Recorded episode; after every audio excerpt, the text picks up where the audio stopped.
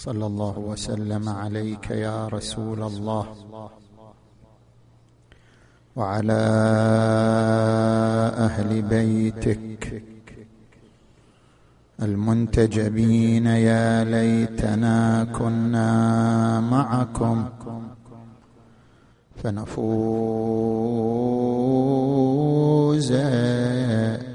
فوزا عظيما.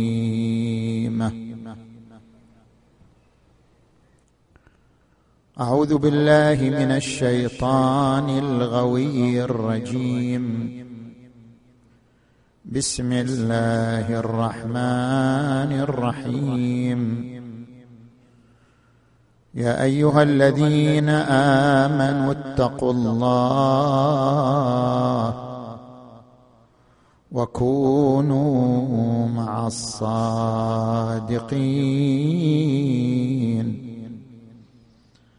آمنا بالله صدق الله العلي العظيم.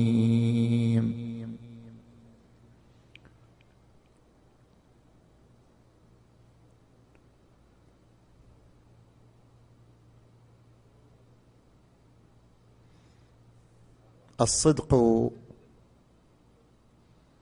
هو عبارة عن تطابق القول والسلوك والمعتقد.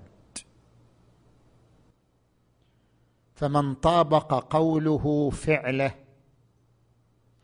وطابق فعله معتقده فهو الشخصية الصادقة.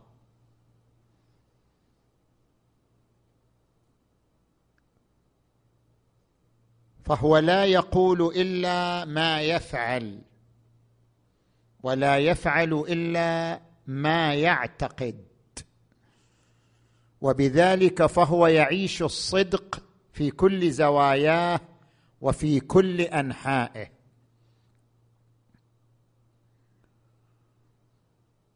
لذلك نرى القرآن الكريم عندما يعرف الشخصية الصادقة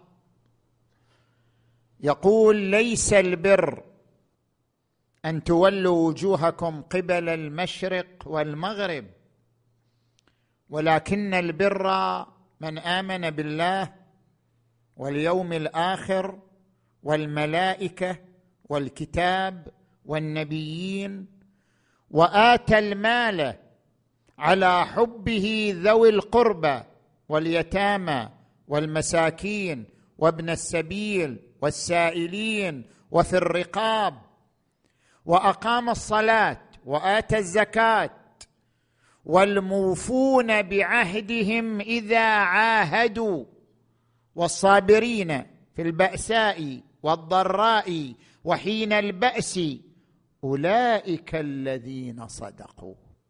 هذا هو الصدق. أولئك الذين صدقوا وأولئك هم المتقون.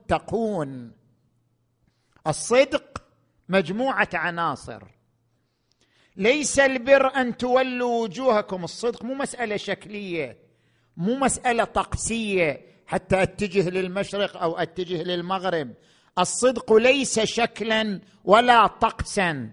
الصدق عمل. العنصر الأول الإيمان. ليس البر أن تولوا وجوهكم قبل المشرق والمغرب ولكن البر من آمن. العنصر الأول من آمن بالله واليوم الآخر والملائكة والكتاب والنبيين. العنصر الثاني العطاء والبذل. واتى المال على حبه ذوي القربى واليتامى والمساكين وابن السبيل والسائلين وفي الرقاب. والعنصر الثالث العبادة. وأقام الصلاة واتى الزكاة. والعنصر الرابع المبدأ والالتزام والموفون بعهدهم إذا عاهدوا. والعنصر الخامس الصبر. والصابرين في البأساء والضراء وحين البأس أولئك الذين صدقوا وأولئك هم المتقون. الصدق على نوعين صدق ظاهري صدق واقعي. الصدق الظاهري أن تكون صادقا في تعاملك مع الناس. لا يرى الناس منك إلا الصفحه البيضاء حيث إن تعاملك معهم خال من الكذب خال من الغش خال من النفاق كما ورد عن الرسول صلى الله عليه وآله بئس العبد عبد يكون ذا وجهين وذا لسانين. يطري أخاه شاهدا ويأكله غائبا. عندما تتعامل مع الناس بوجه واحد فأنت تمتلك الصدق الظاهري. أما الصدق الواقعي فهو أن تكون صادق مع نفسك حتى لو لم يكن هناك مجتمع. هل أنت صادق مع نفسك؟ هل أن عملك لله؟ ربما تعمل أشياء كثيرة أمام الناس بهدف الشهرة بهدف التفوق بهدف البروز. المهم عملك بينك وبين الله هذا هو الصدق الواقعي. هل أن عملك لله؟ وجهت وجهي وأسلمت أمري للذي فطر السماوات والأرض حنيفا وما أنا من المشركين. إذا كنت صادقا في السر بينك وبين الله بأن يكون عملك لله فهذا هو الصدق الواقعي. بل الإنسان على نفسه بصيرة ولو ألقى معاذيره. الصدق درجات. أولها صدق القول وأعلاها درجة العصمة. فإن العصمة هي أعلى درجات الصدق. من هنا ننطلق في الحديث حول محورين يتعلقان بمبدأ العصمة. المحور الأول العصمة برؤية تحليلية وقرآنية. والمحور الثاني في مساحة العصمة في ميدان الحياة. نأتي إلى العنصر الأول. ما هي العصمة؟ بحسب الرؤية التحليلية والقرآنية. هناك فرق بين التسديد والعصمة. تسديد شيء والعصمة شيء آخر.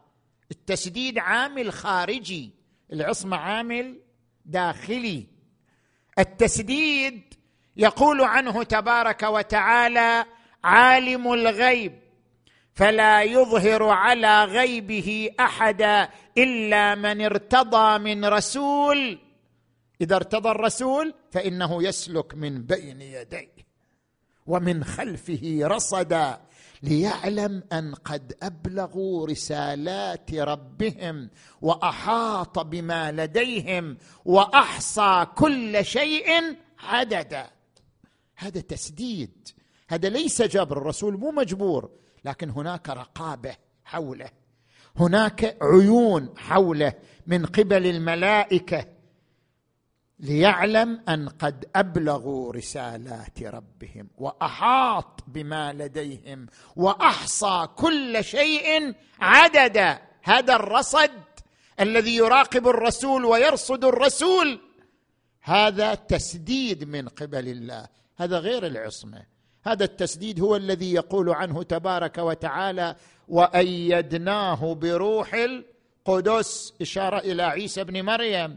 هذا الذي يقول عنه تبارك وتعالى ولولا أن ثبتناك ثبتناك بالتسديد الذي حولك لقد كدت تركن إليهم شيئا قليلا. هذا كله تسميه تسديد. هذا كل عامل خارجي. أما ما هو العامل الداخلي؟ ما هو العامل الذي يعيشه المعصوم في داخله؟ ونسميه بمبدأ العصمة ونسميه بمعتقد العصمة. العصمة تتقوم بثلاثة عناصر. العلم الحضوري وحضور العقل مع قوة الالتفات وطهارة السلوك. نجي إلى كل عنصر من هذه العناصر نشرحها. العنصر الأول العلم الحضوري. ما معنى العلم الحضوري؟ العلم نوعان حصولي وحضوري. ما هو الفرق بين علمي بك وعلمي بنفسي؟ هل علمي بنفسي مثل علمي بك؟ لا. علمي بك علم حصولي يعني أنا لا أعلم بك إلا عن طريق صورة. صورتك ترتسم في ذهني. إذا غبت عني أتذكر صورتك.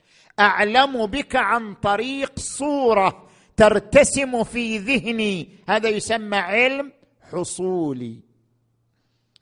أما العلم بنفسي أنا أعلم بنفسي ما أحتاج صورة. أحتاج صورة؟ أنا أعلم بنفسي يعني نفسي حاضرة. نفسي حاضرة.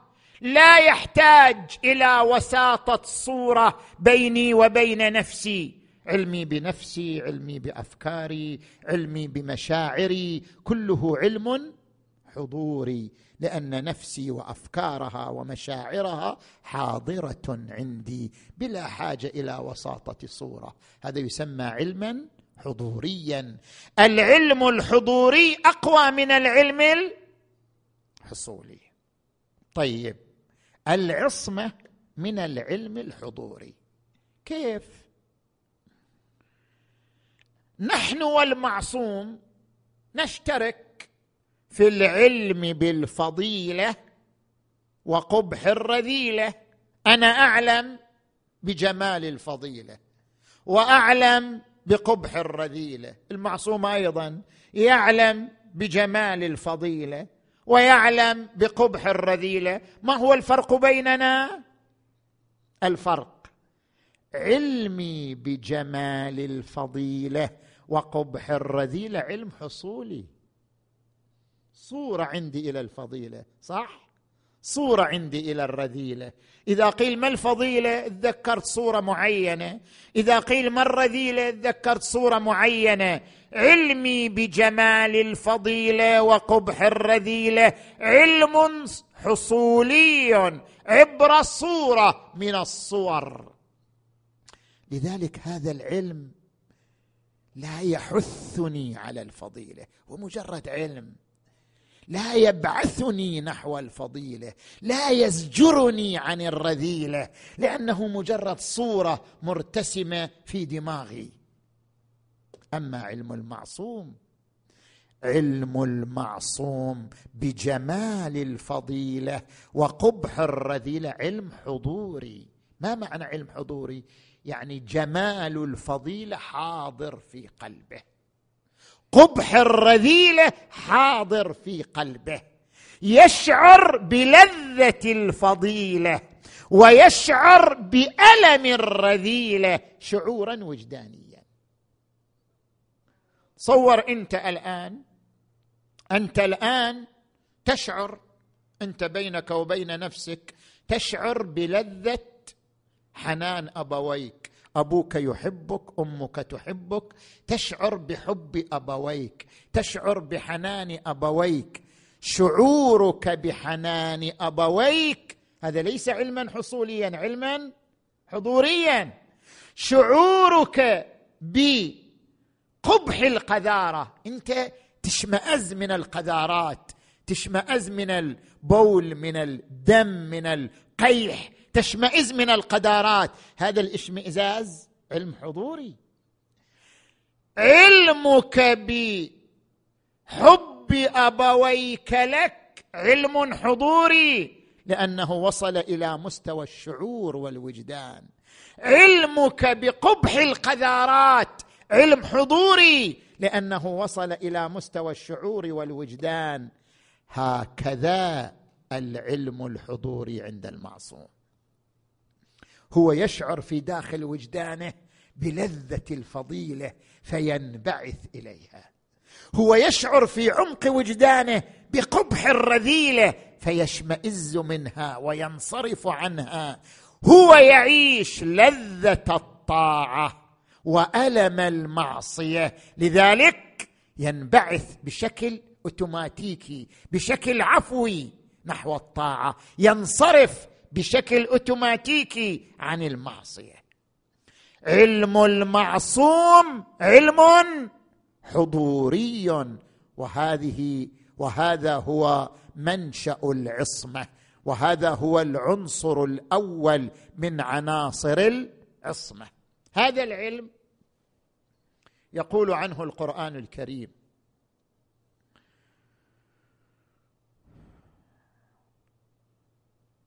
يقول للنبي صلى الله عليه وآله ولولا فضل الله عليك ورحمته لهمت طائفة منهم أن يضلوك وما يضلون إلا أنفسهم وما يضرونك من شيء.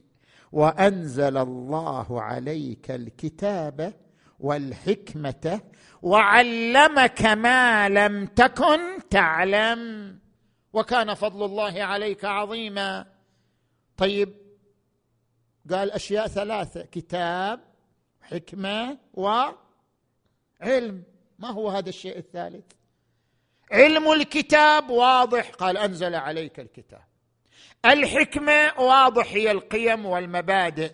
بعد شنو هذا الثالث؟ الذي أنزله الله وعلمه النبي وعلمك ما لم تكن.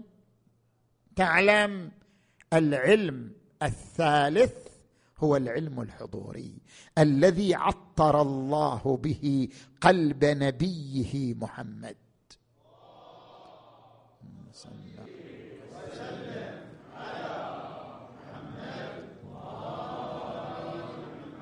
نجي إلى آية أخرى عندما يقول تبارك وتعالى وجعلناهم أئمة يهدون بأمرنا لما صبروا وكانوا بآياتنا يوقنون. وصلوا إلى درجة اليقين. والوصول إلى درجة اليقين يعني العلم الحضوري. وصلوا إلى درجة اليقين فاستحقوا الإمامة. وجعلناهم أئمة يهدون بأمرنا لما صبروا وكانوا بآياتنا يوقنون. طيب واحد يسأل سؤال يقول يعني المعصوم ما يقدر يعصي يعصي الله؟ يعني هو مجبور مجبور على فعل الطاعة وترك المعصية؟ لا مو مجبور. القرآن يقول مو مجبور القرآن يقول ولو تقول علينا بعض الأقاويل لأخذنا منه باليمين ثم لقطعنا منه الوتين ويقول القرآن الكريم لئن أشركت ليحبطن عملك. مو مجبور اذا كيف إذا هو مو مجبور؟ كيف؟ أنا الآن أجيبك. هناك فرق بين الإمكان الذاتي والإمكان الوقوعي. ما هو الفرق بين هذين الاصطلاحين؟ أنت هل يمكنك أن تشرب ملعقة بول؟ ملعقة واحدة. يمكن أو لا؟ ويمكن. يمكن يقول يلا ها ها أشرب مثلا. ممكن. ممكن للإنسان أن يشرب فنجان بول أو فنجان دم أو فنجان مثلا قيح. ممكن. هذا يسمى إمكان ذاتي. لكن هذا الممكن ذاتا لا يتحقق وقوعا. هناك إمكان ذاتي لكن ليس هناك إمكان وقوعي. بمعنى أن الإنسان حال حضور عقله وحال حضور التفاته لا يتناول القاذورات. ما دام عاقلا ملتفتا لا يتناول القاذورات. يمكن أن يتناول لكنه لا يتناول لحضور عقله وقوة التفاته. اذا أنت معصوم أيضا عن أكل القاذورات. حتى انت الانسان العادي انت معصوم عن أكل القاذورات. لما لأنك تنصرف عن أكل القاذورات لعلمك بقذارتها فتنصرف عنها باختيارك وتشعر باشمئزاز تجاهها مع أنك قادر على فعلها. نفس القضية في المعصوم. المعصوم عندما يواجه المعصية كما تواجه أنت القذارات تماما. بإمكانه أن يفعل المعصية. إمكان ذاتي موجود لكن بحسب الإمكان الوقوعي لا تتحقق منه المعصية. لما؟ لحضور عقله وقوة التفاته وشعوره الوجداني بقذارة المعصية وقبح المعصية. فينصرف عنها باختياره وإرادته. نجي الآن إلى العنصر الثاني من عناصر العصمة. العنصر الثاني من عناصر العصمة هو حضور العقل. تصور المعصوم ما يغيب وعيه. حاضر. في شيء عندكم؟ المعصوم حاضر الوعي لا يغيب وعيه. ربما واحد يقول ما يصير إحنا ما يغيب وعيه طيب ما يغلط ما ينسى. يعني كله عقله حاضر دائما حاضر العقل حاضر الالتفات حاضر الوعي. يعيش حضورا في وعيه في عقله في التفاته. هذا عنصر مهم. لذلك المعصوم ما يخطئ ولا ينسى. واحد يقول هذا معقول يصير لإنسان هو بشر بالنتيجة؟ قل إنما أنا بشر مثلكم يوحى إلي. مقتضى أنه بشر أن يخطئ أن ينسى أن يسهو أن يلهو. نقول له عنصر مقوم للعصمة حضور الوعي أن لا يغفل. ولا يخطئ ولا ينسى. انت الآن بشكل وجداني تشوف هذا. كيف؟ ترض إنسان درس الرياضيات ثلاثين سنة. خبر الرياضيات أولها وآخرها. أصبح الرياضيات مثل شنو؟ مثل العجينه بيده. هل يخطئ؟ ما يخطئ. نتيجة لسيطرة عقله على الرياضيات نتيجة لسيطرة خبرته على الرياضيات. تصبح الرياضيات كماء يشربه. لا تغيب الرياضيات عن وعيه ولا يخطئ فيها ولا يغفل عن مسائلها ابدا. هذا إنسان يمتلك عصمة عقلية في الرياضيات بمعنى أنه لا يخطئ. امتحان. في الفيزياء. هذا الامتحان باقي عليه شهر. انت الآن حطيت رأسك في الفيزياء. يوميا ضبطت المادة كلها استوعبت المادة كلها. أصبحت المادة حاضرة في عقلك بتمامها. تدخل قاعة الامتحان؟ مستحيل تخطئ مستحيل تنسى. إذا كانت المادة وين؟ حاضرة في ذهنك.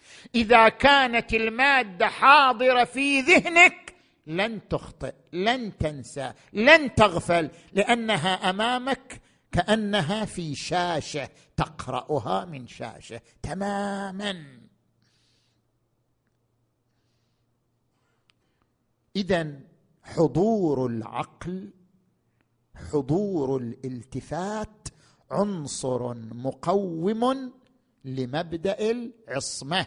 وقد أشار إلى هذا العنصر القرآن الكريم عندما يقول فكيف إذا جئنا من كل أمة بشهيد وجئنا بك على هؤلاء شهيدا الرسول شهيد. هل الشهيد يخطئ؟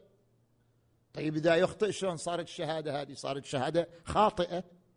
الرسول شهيد على الأمة والشهادة حتى تكون مقبولة. لابد أن لا يكون فيها خطأ ولا نسيان ولا غفلة ولا ارتباك. تكون مطابقة للواقع حتى تكون شهادة واقعية. اذا قول القرآن وجئنا بك على هؤلاء شهيدا. يعني أن لك شهادة هي عبارة عن عصمتك العقلية. حيث لا تخطئ ولا تغفل ولا تسهو لذلك شهادتك مقبولة. ورد عن الإمام الصادق عليه السلام إن الله جعل مع النبي محمد صلى الله عليه وآله روح القدس. لا يغفل ولا ينام ولا يسهو ولا يلهو. زين نجي إلى العنصر الثالث طهارة السلوك. من ملك العلم الحضوري وملك حضور العقل وقوة الالتفات. طبيعي يوصل إلى الدرجة الثالثة وهي طهارة السلوك. سلوكه نقي طاهر. العصمة هي طهارة السلوك ونقاء العمل استنادا إلى العلم الحضوري واستنادا إلى حضور العقل. هذه الطهارة السلوكية يعبر عنها القرآن الكريم في قوله تعالى إنما يريد الله ليذهب عنكم الرجس أهل البيت ويطهركم تطهيرا. ويقول القرآن الكريم وجعلناهم أئمة يهدون بأمرنا وأوحينا إليهم فعل الخيرات. دائما يفعلون الخيرات. هذا هو المحور الأول في العصمة برؤية تحليلية وقرآنية. نجي الآن إلى المحور الثاني في مساحة العصمة وسعتها. الباحث الإيراني محسن كديور له نظرية في كتاب مطبوع يسمى القراءة المنسية. كتابه سماه القراءة المنسية. ما هي القراءة المنسية؟ يقول الإمامة لها قراءتان. القراءة السائدة بين الشيعة في الزمن الحاضر والقراءة المنسية.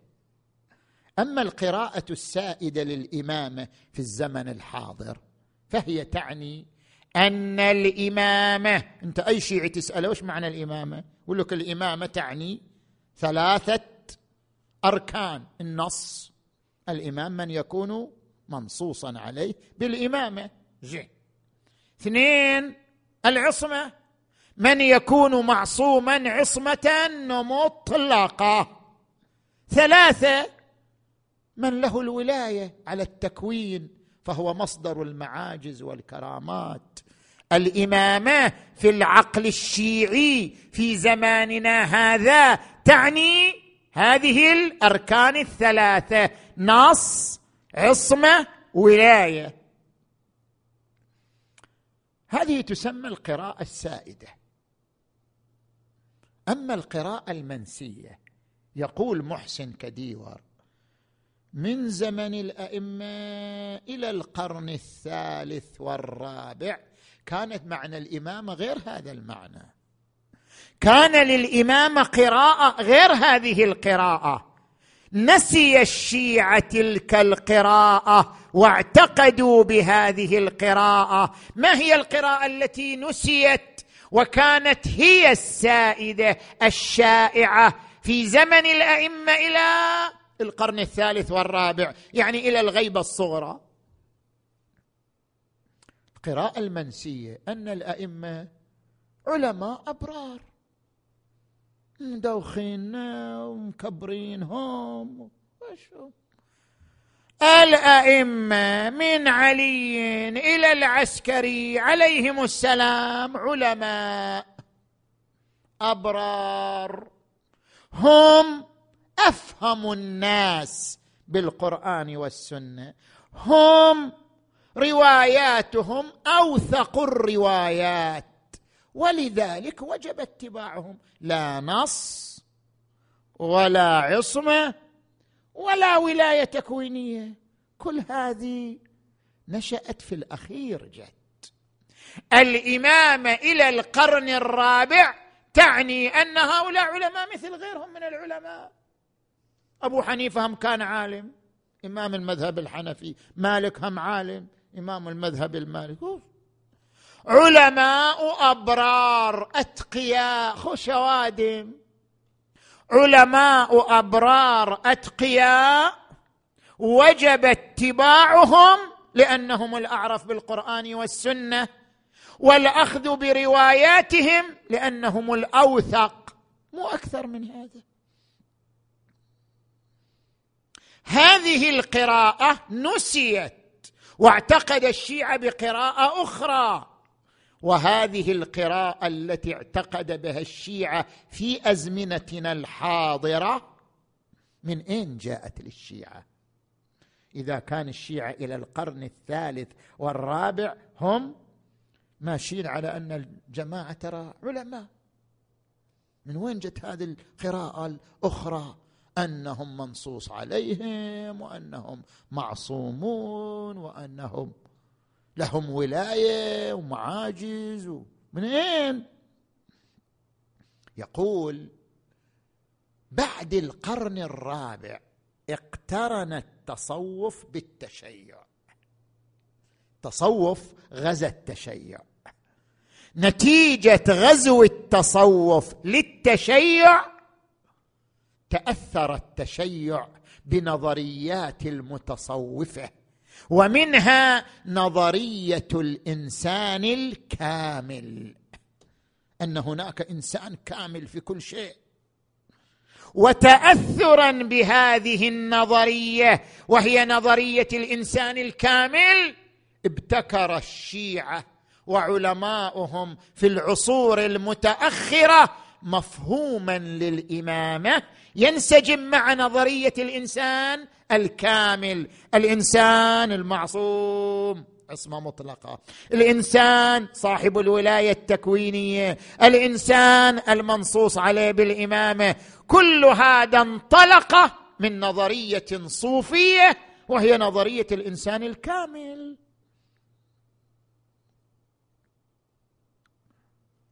ولذلك ينبغي للشيعة هو يقول يرجعوا ديك القراءة. ليك الأولية علماء علماء مثلهم مثل بقية العلماء. زين. إحنا نذكر بعض الملاحظات لأن مناقشة النظرية بتمام تفاصيلها تحتاج إلى وقت أكثر. نحن نقدم بعض الملاحظات على النظرية لنربطه بمبدأ لنربطها بمبدأ العصمة الذي هو حديثنا. الملاحظة الأولى إن مبدأ الإنسان الكامل ليس نظرية صوفية بل حقيقة قرآنية. القرآن طرح عنوان الإنسان الكامل. القرآن الكريم هو الذي طرح مفهوم الإنسان الكامل وليس نظرية صوفية. القرآن الكريم عندما يتحدث عن عيسى بن مريم ماذا يقول؟ إنما المسيح عيسى بن مريم رسول الله وكلمته ألقاها إلى مريم وروح منه. في أعظم من الكلمات. كلمة الله روح الله. ثم يقول عنه في آية أخرى ورسولا إلى بني إسرائيل أني قد جئتكم بآية من ربكم. يعني ولاية تكوينية. أني أخلق لكم من الطين كهيئة الطير فأنفخ فيه فيكون طيرا بإذن الله وأبرئ الأكمه والأبرص وأحيي الموتى بإذن الله. هذا الإنسان الكامل. القرآن الكريم عندما يقول في حق موسى بن عمران ثم جئت على قدر يا موسى فاصطنعتك لنفسي. ويقول في آية أخرى ولتصنع على عيني. في أعظم من هذا الكمال إنسان يصنع بعين الله يصطفيه الله لنفسه. القرآن الكريم يقول واذكر عبادنا إبراهيم وإسحاق ويعقوب أولي الأيدي والأبصار. يعني فيهم أيادي وعواين؟ وش معنى أولي الأيدي والأبصار؟ يعني في عندهم أيادي وعندهم أبصار. يعني كيف يعني؟ أولي الأيدي والأبصار. الأيدي اليد كناية عن العطاء. والأبصار كناية عن البصيره بصيرة القلب أولي الأيدي والأبصار إنا أخلصناهم بخالصة. خلصناهم من كل شيء. قال فبعزتك لأغوينهم أجمعين إلا عبادك منهم المخلصين. مخلص. إنا أخلصناهم بخالصة ذكر الدار. وإنهم عندنا لمن المصطفين الأخيار. هذا الإنسان الكامل. زين. الملاحظه الثانية. عندما نرجع إلى علمائنا الذين تناولوا بحث الإمامة هل فعلا انطلقوا من نظرية الإنسان الكامل وعرفوا الإمامة بأنها عبارة عن الكمال الإنساني. صحيح الإمام هو إنسان كامل بس هل هذا هو تعريف الإمامة؟ هل هذا هو منطلق الإمامة؟ لا. راجع كتب علمائنا. المفيد في كتاب الإفصاح المرتضى في كتاب الذخيرة. ربما واحد يقول هذول من القرن الرابع. طبعا دول من القرن الخامس. زين نجي إلى المحقق الحلي. من القرون المتأخرة في كتابه المسلك في أصول الدين. نجي إلى العلامة الحلي في كتابه الألفين في كتابه معارج الفهم. نجي إلى المقداد السيوري في كتابه الإعتماد. كل هؤلاء علماؤنا عندما تناولوا بحث الإمامة لم ينطلقوا من نظرية الإنسان الكامل وإنما عرفوا الإمامة بقولهم الإمامة هي الرئاسة. في أمور الدين والدنيا. فمن أين أن التشيع اقترن بالتصوف واكتسب النظرية وعرف الامامه بها؟ من أين؟ نجي للملاحظة الثالثة. كديور استقرأ بعض الروايات استشم منها أن صحابة الأئمة ما كانوا يعتقدون أن الأئمة بهذه الضخامة. وأخذ بعض عبارات من علمائنا استكشف منها أنهم ما يعتقدون أن الأئمة بهذه الضخامة التي نعتقد بها في زماننا الحاضر. أنا الآن ما أريد أذكر الشواهد تقدر ترجع إلى كتابه. إنما ما أتى به استقراء ناقص. لم يستوعب تاريخ أهل البيت لم يستوعب مجموع روايات أهل البيت لم يستوعب مجموع كلمات علمائنا بنى النظرية على استيحاء على استيحاء من استقراء ناقص. لو فرضنا أن هذا الاستقراء تام ماذا يثبت هذا الاستقراء؟ يثبت عدم وضوح العصمة لا عدم ثبوت العصمة. لازم نفرق بين هذين العنوانين. العصمة ما كانت واضحة لبعض أصحاب الأئمة لا أن العصمة لم تكن ثابتة. هذه الشواهد لا تنفي ثبوت العصمة وإنما لو تمت تنفي وضوح العصمة.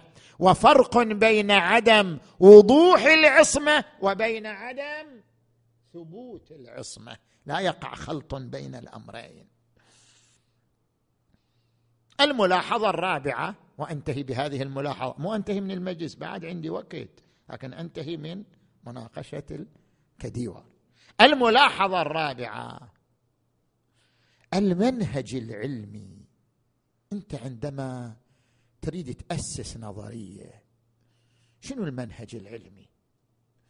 أنت أمامك نظرية أخرى موجودة عند الشيعة يقول بها علماؤهم وعوامهم كلهم يقولون بهذه النظرية. أنت الآن تريد توصل لنظرية أخرى.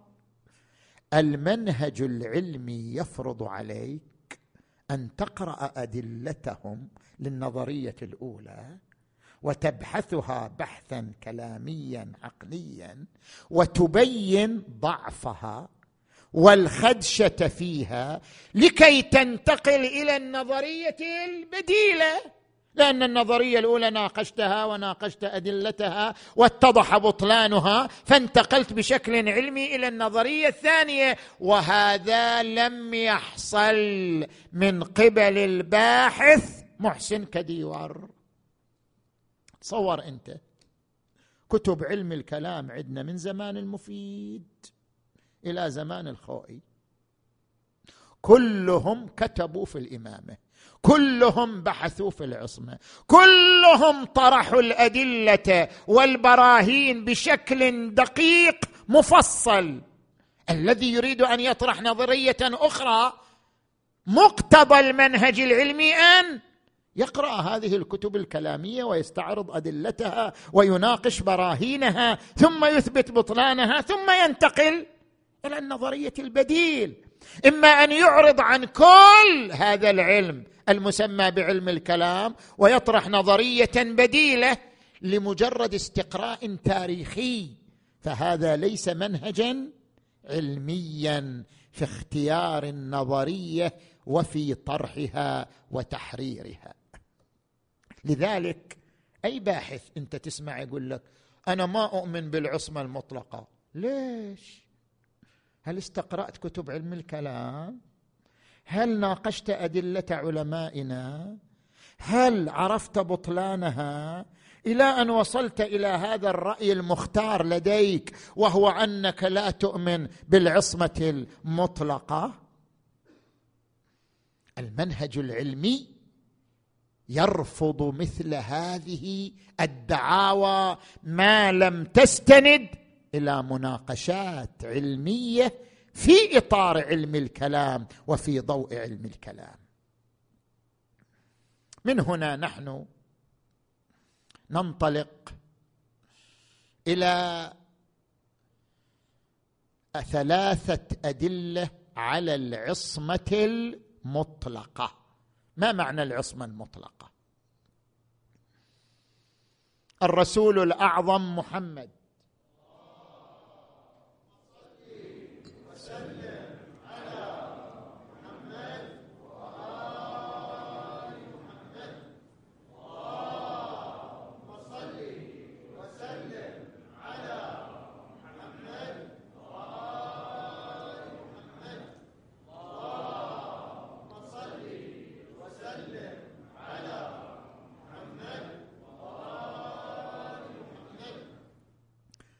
الرسول صلى الله عليه وآله معصوم في تلقي الوحي معصوم في تبليغ الوحي معصوم في تطبيق الوحي معصوم في تعاملاته مع الناس. هذا معنى العصمة المطلقة.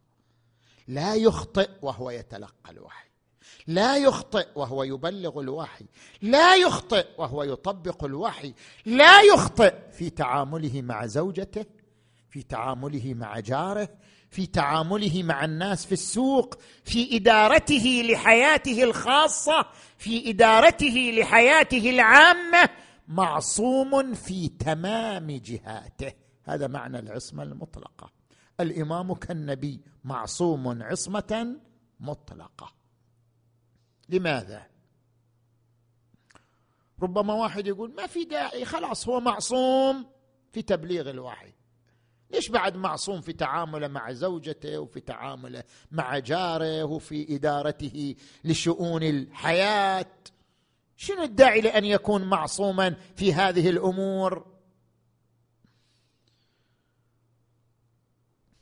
عندنا ثلاثة أدلة. الدليل الأول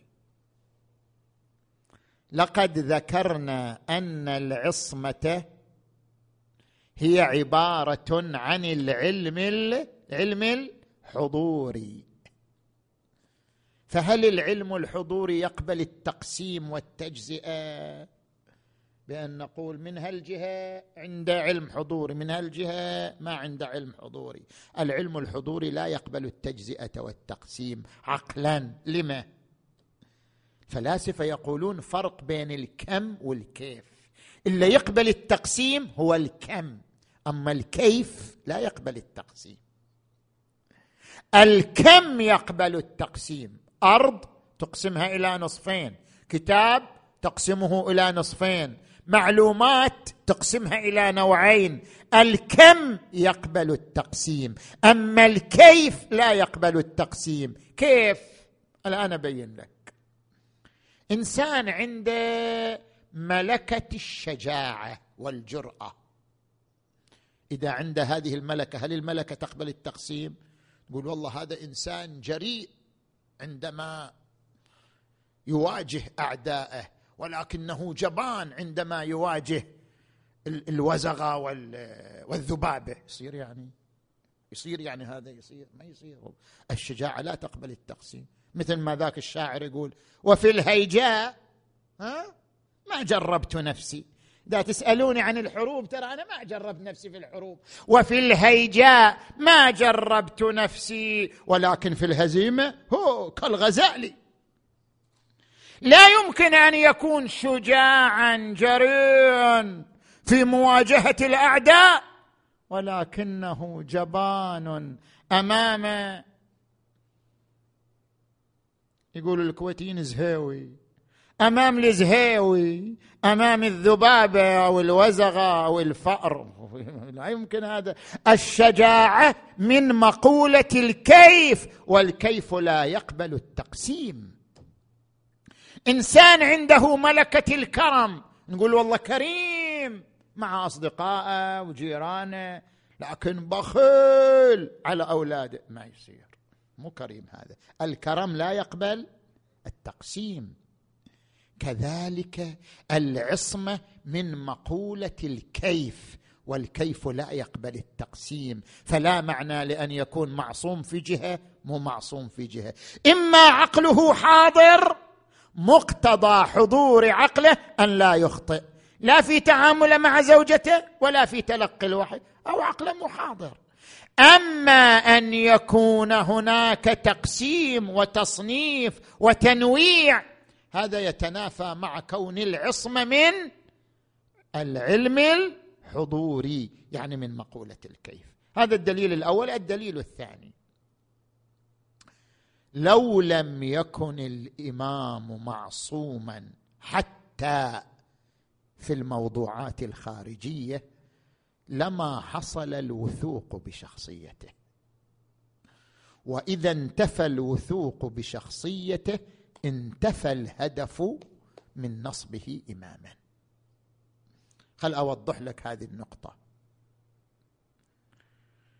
إذا لم نؤمن بأن النبي معصوم في علاقته مع زوجته أو في تعامله مع جاره يمكن أن يخطئ.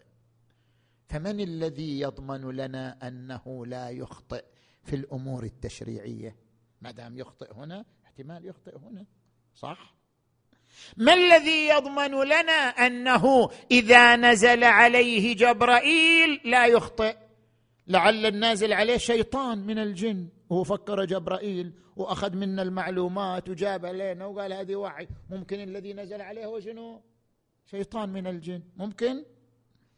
ما دام مو معصوم. ما دام قد يخطئ في تعامله مع زوجته ما دام قد يخطئ في تعامله مع الناس في السوق اذا من الممكن أن يخطئ. فيتصور أن من يحدثه جبرائيل والحال أن من يحدثه شيطان من شياطين الجن. ما الذي يضمن لنا أنه صادق في أن من يحدثه جبرائيل؟ زين. النبي حج حجة الوداع وجاء ووقف مع الناس في عرفة. قال أيها الناس هذه عرفة وقفوا بها. وقف الناس معه في عرفة. طيب من الذي يضمن لنا أنه لم يكن مخطئا؟ لعله وقف في أرض غير أرض عرفة. لعله لم يشخص المكان تشخيصا صحيحا. من الذي يضمن لنا أن تشخيصه صحيح؟ ما دام قد يخطئ في الأمور الأخرى. طيب النبي صلى الله عليه وآله عندما ياتي جينا إلى الإدارة. قال للجيش لا تنزل إلى الميدان ابقى على الجبل. كما قال يوم أحد. يوم أحد قال لهم للرماة لا تنزلوا للميدان ابقوا على رأس الجبل. يقول لك هذا مو أمر تشريعي هذا أمر إداري. من الجائز أن يخطئ فيه. طيب.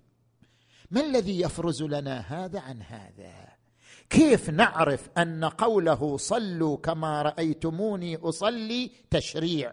بينما قوله للرماة يوم أحد ابقوا على الجبل هذا ليس تشريع. ما الذي يفرز الأول عن الثاني؟ هو لازم يفرز ولا إحنا ما ندري. طيب هو جو فرز لنا قال يا جماعة ترى الأول تشريع ترى الثاني إدارة مو تشريع. لعله أخطأ في فرزه. فلم نضمن ما هو تشريع مما هو إدارة. لم نضمن ما هو تشريع مما هو فعل شخصي خارجي له لأن لا طريق إلى الفرز إلا هو ولعله أخطأ في الفرز. اذا هذه المسألة ريحه تمتد. مدى متى ما جوزنا عليه الخطأ في أفعاله الخارجية جاز عليه الخطأ في الأمور التشريعية. وإذا جاز عليه الخطأ لم يحصل الوثوق به. وإذا لم يحصل الوثوق به لن تنقاد الناس إليه. وإذا لم تنقاد الناس إليه سقط الهدف من بعثته فإن الهدف من بعثته هداية الناس. والهداية تتوقف على الوثوق والوثوق لا يحصل إلا مع ضمان عدم خطئه في تمام أموره يعني إلا مع الاعتقاد بعصمته المطلقة.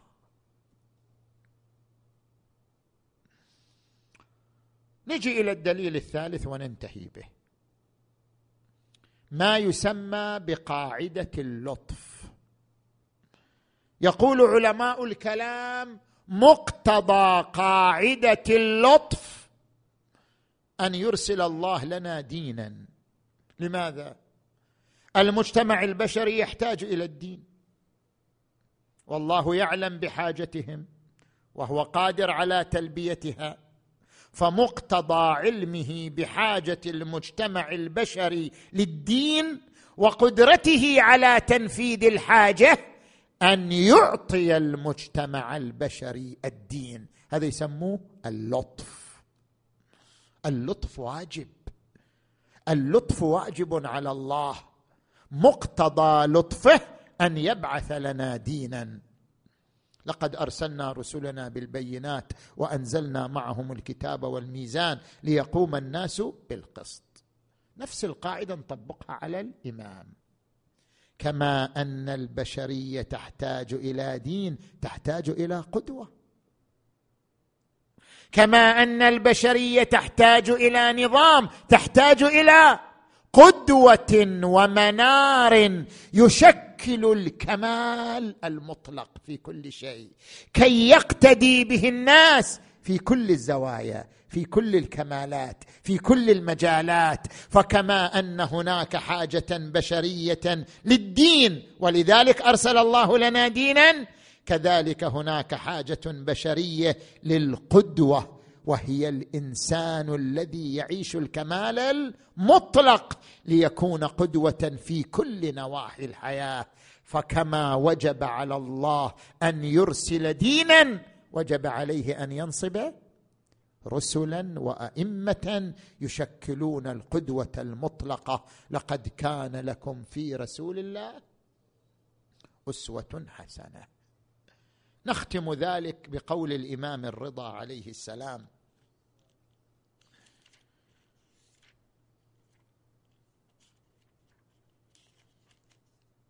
قال الإمام الرضا عليه السلام إن قوله عز وجل وإذ ابتلى إبراهيم ربه بكلمات فأتمهن قال إني جاعلك للناس إماما. الإمام جعل جاعلك. قال ومن ذريتي قال لا ينال عهد الظالمين. يقول الإمام الرضا. إن هذه الآية أبطلت إمامة كل ظالم. وصارت في الصفوة. ثم أكرم الله نبيه إبراهيم عليه السلام بأن جعل الإمامة في ذريته أهل الصفوة والطهارة. فقال وجعلناهم أئمة يهدون بأمرنا وأوحينا إليهم فعل الخيرات. إن الإمامة هي منزلة الأنبياء وإرث الأوصياء وخلافة هذا الإمام الرضا. وين القراءة المنسية؟ وين هي راحت وين أن الامامه علماء أبرار؟ هذا الإمام الرضا جاي يقول لا يقول شيء آخر. إن الإمامة منزلة الأنبياء وإرث الأوصياء وخلافة الله وخلافة الرسول صلى الله عليه وآله ومقام أمير المؤمنين والحسن والحسين. إن الإمامة أس الإسلام النامي وأصله وفرعه السامي. إن الإمام أمين الله في أرضه وحجته على عباده. المطهر من الذنوب المبرأ من العيوب المخصوص بالعلم الموسوم بالحلم. هذا هو الإمام. الإمام الرضا عليه السلام تمتع بثلاث خصال. الخصلة الأولى هو أكثر الأئمة مناظرات. إذا تقرأ كتاب الاحتجاج للشيخ الطبرسي كل مناظرات الأئمة مناظرات الأئمة مع علماء الأديان مع علماء المذاهب الأخرى كتاب الاحتجاج للطبرسي. أكثر الأئمة دخل في المناظرات وافحم علماء الأديان وأئمة المذاهب الإمام علي بن موسى الرضا. حتى لقب بعالم آل محمد. الإمام الرضا عليه السلام لماذا قبل ولاية العهد؟ لعدة أسباب. منها أن ولاية العهد كانت فرصة لكي يلتقي بعلماء الأديان وأئمة المذاهب ويقوم بترسيخ مذهب أهل البيت. علماء الأديان مو مثل زماننا هذا.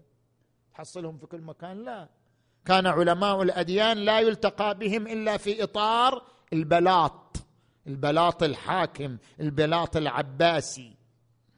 الإمام الرضا اتخذ ولاية العهد بابا وفرصة للقاء هؤلاء ومناظراتهم وإفحامهم ونشر مذهب أهل البيت. صلوات الله وسلامه عليهم أجمعين. الخصلة الثانية أن الإمام الرضا كان أكثر الناس تواضعا. يقول أبو الصلت الهروي خرجنا معه من المدينة إلى خراسان. كان كلما وضع المائدة أتى بغلمانه وجعلهم يأكلون معه. فيقول له بعض من حضر اعزل لهؤلاء السود مائدة. ما نرغب ياكلوا ويانا؟ فيقول ما؟ إن الرب واحد والأب واحد والأم واحدة والجزاء بالأعمال. إن أكرمكم عند الله. أتقاكم. وكان عليه السلام لا يتكئ بين يدي جليس. يجلس هكذا كأنه مثله. وكان لا يتفل أمام أحد. إذا يبصق يبصق في مكان آخر. لا ينفر أحدا منه. وكان لا يقهقه. وإنما ضحكه التبسم. وكان علي بن موسى صلوات الله وسلامه عليه كثير الصدقات والهبات في المدينة وفي أرض خراسان. الخصلة الثالثة الإمام الثاني بعد الحسين الذي نبئ بمقتله وقبره. شوف الأئمة من الذي نبئ بمقتله وقبر الحسين عليه السلام؟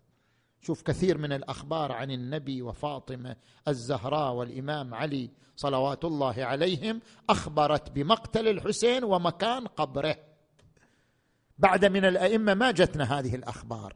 الإمام الثاني الذي وردت في حقه الأنباء بمقتله ومحل قبره الإمام علي بن موسى الرضا. أنبأ الرسول والإمام علي والإمام الصادق انبأوا قبل أن يولد علي بن موسى بمقتله وبمكان قبره. ويأتي الإمام الصادق ليقول ستدفن بضعة مني بأرض خراسان. من زاره في غربته وجبت له على الله الجنة. أنت تستغرب ليش صارت خراسان بهذه الدرجة. صح؟ أصبح قبر الإمام الرضا أكثر قبور الأئمة عزا وسلطانا ومكانه. وأصبح قبر الإمام الرضا موئل الشيعة وملاذ الزوار من كل مكان لأن الأئمة مهدوا لهذا القبر. لأن الأئمة أعدوا لهذا اليوم قبل أن يولد علي بن موسى. كانت الأنباء والأخبار أعدت الشيعة والزوار لهذا المكان المبارك قبل أن يولد علي بن موسى الرضا. ورد عن الإمام الصادق عليه السلام ستدفن بضعة مني بأرض خراسان من زاره عارفا بحقه. ضمنت له على الله الجنة. قيل وما عرفان حقه؟ قال العلم بأنه إمام مفترض الطاعة غريب شهيد. يا أرض طوس سقاك الله رحمته. ماذا ضمنت من الخيرات يا طوس؟ طابت بقاعك في الدنيا وطاب بها شخص ثوى بسنا آباد. مرموس شخص عزيز على الإسلام مصرعه. في رحمة الله مغمور ومغموس. يا قبره أنت قبر قد تضمنه حلم وعلم وتطهير وتقديس. فافخر بأنك مغبوط بجثته وبالملائكة الأطهار. محروس. هذه البقعة المباركة دفن فيها علي بن موسى بعد أن أخبر بموته وأخبر بقتله أصحابه ومن حوله ومن يلوذ به دخل عليه دعبل الخزاعي. أيام عاشوراء قال يا دعبل لقد كان أبوك شاعرا. أما عندك شعر هذه الأيام؟ قلت بلى. قال أنشدني. صرت كلما أنشده يبكي وينحب. مدارس آيات خلت من تلاوته ومنزل وحي مقفر العرصات. ديار علي والحسين وجعفر وحمزة والسجاد. ذي الثفنات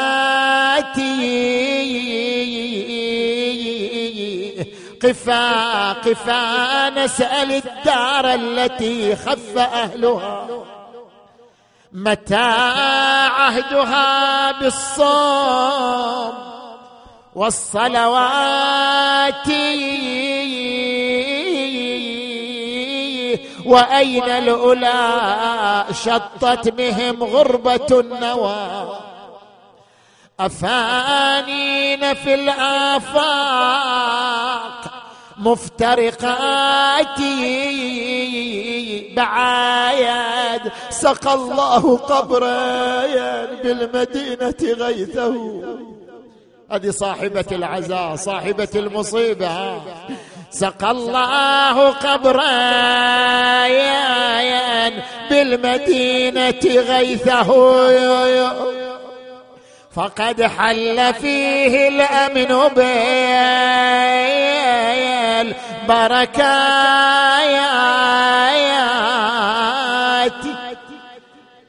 فاطمة لو خلتي الحسين مجدلا وقد مات عطشانا بشط فرايا إذا للطمت الخايا فاطمة عنده وأجريت دمع العين بيل وجنايا قبور ببغداد وأخرى بطيبتين وأخرى بفخ لها. يا يا صلوايا. بعد بعد وقبر ببغداد.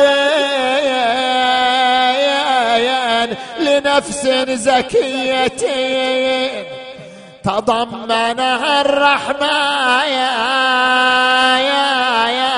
في الغرفة. ثم سكت دعبل قال يا دعبل أكمل. قلت ماذا أقول؟ قال قل. وقبر بطوس. يا لها من مصيب ألحت على الأحشاء بالزفرايا. إلى الحياة.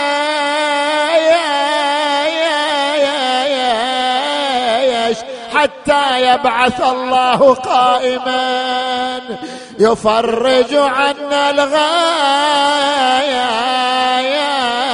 والكربان ولا بلد إلا وفيها منهم رموز منهم جماعة بكربلاء. يا يا اندفنوا بلا واعظم مصيبة مصيبتي المدفون في طول. يا نازح في طويس حي الله حيا أويلي أويلي على اللي عذب المأمون حاله.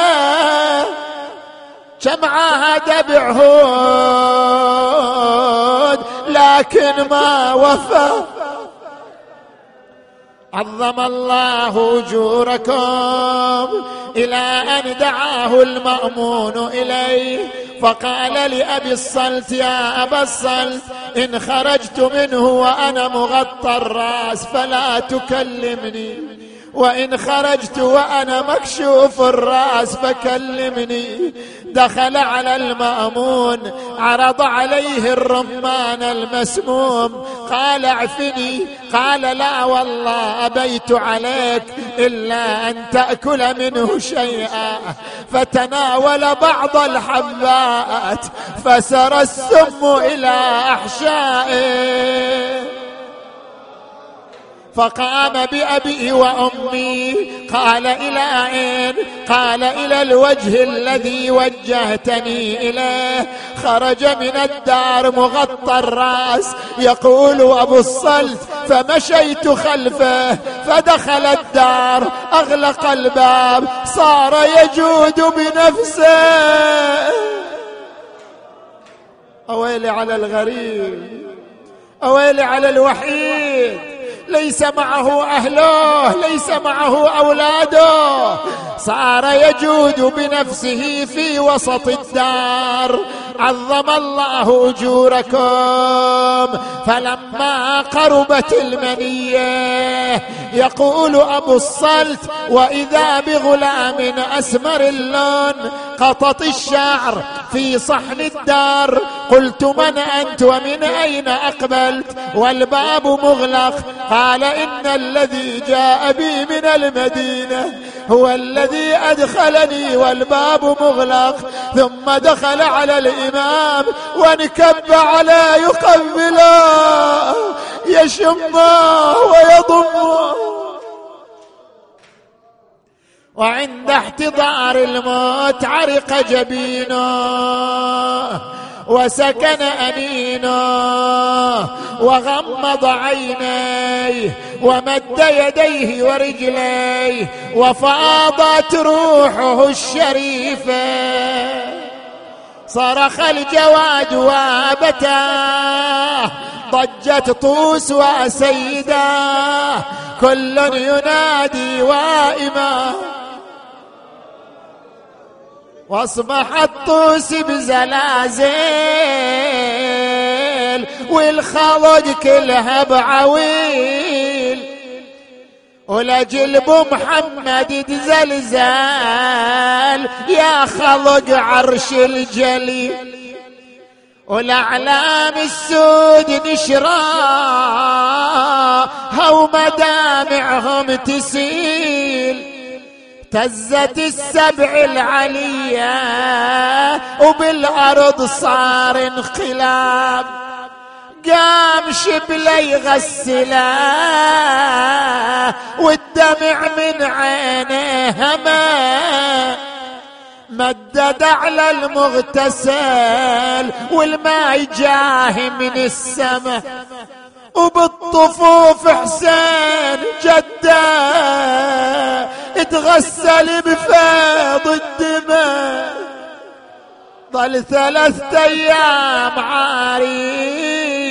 والمسلوب الثياب. ويلي ما حد حضر عنده وحفر قبره. ولا حد جاب كافوره. وسدره خيل الاعوجيه وطيت.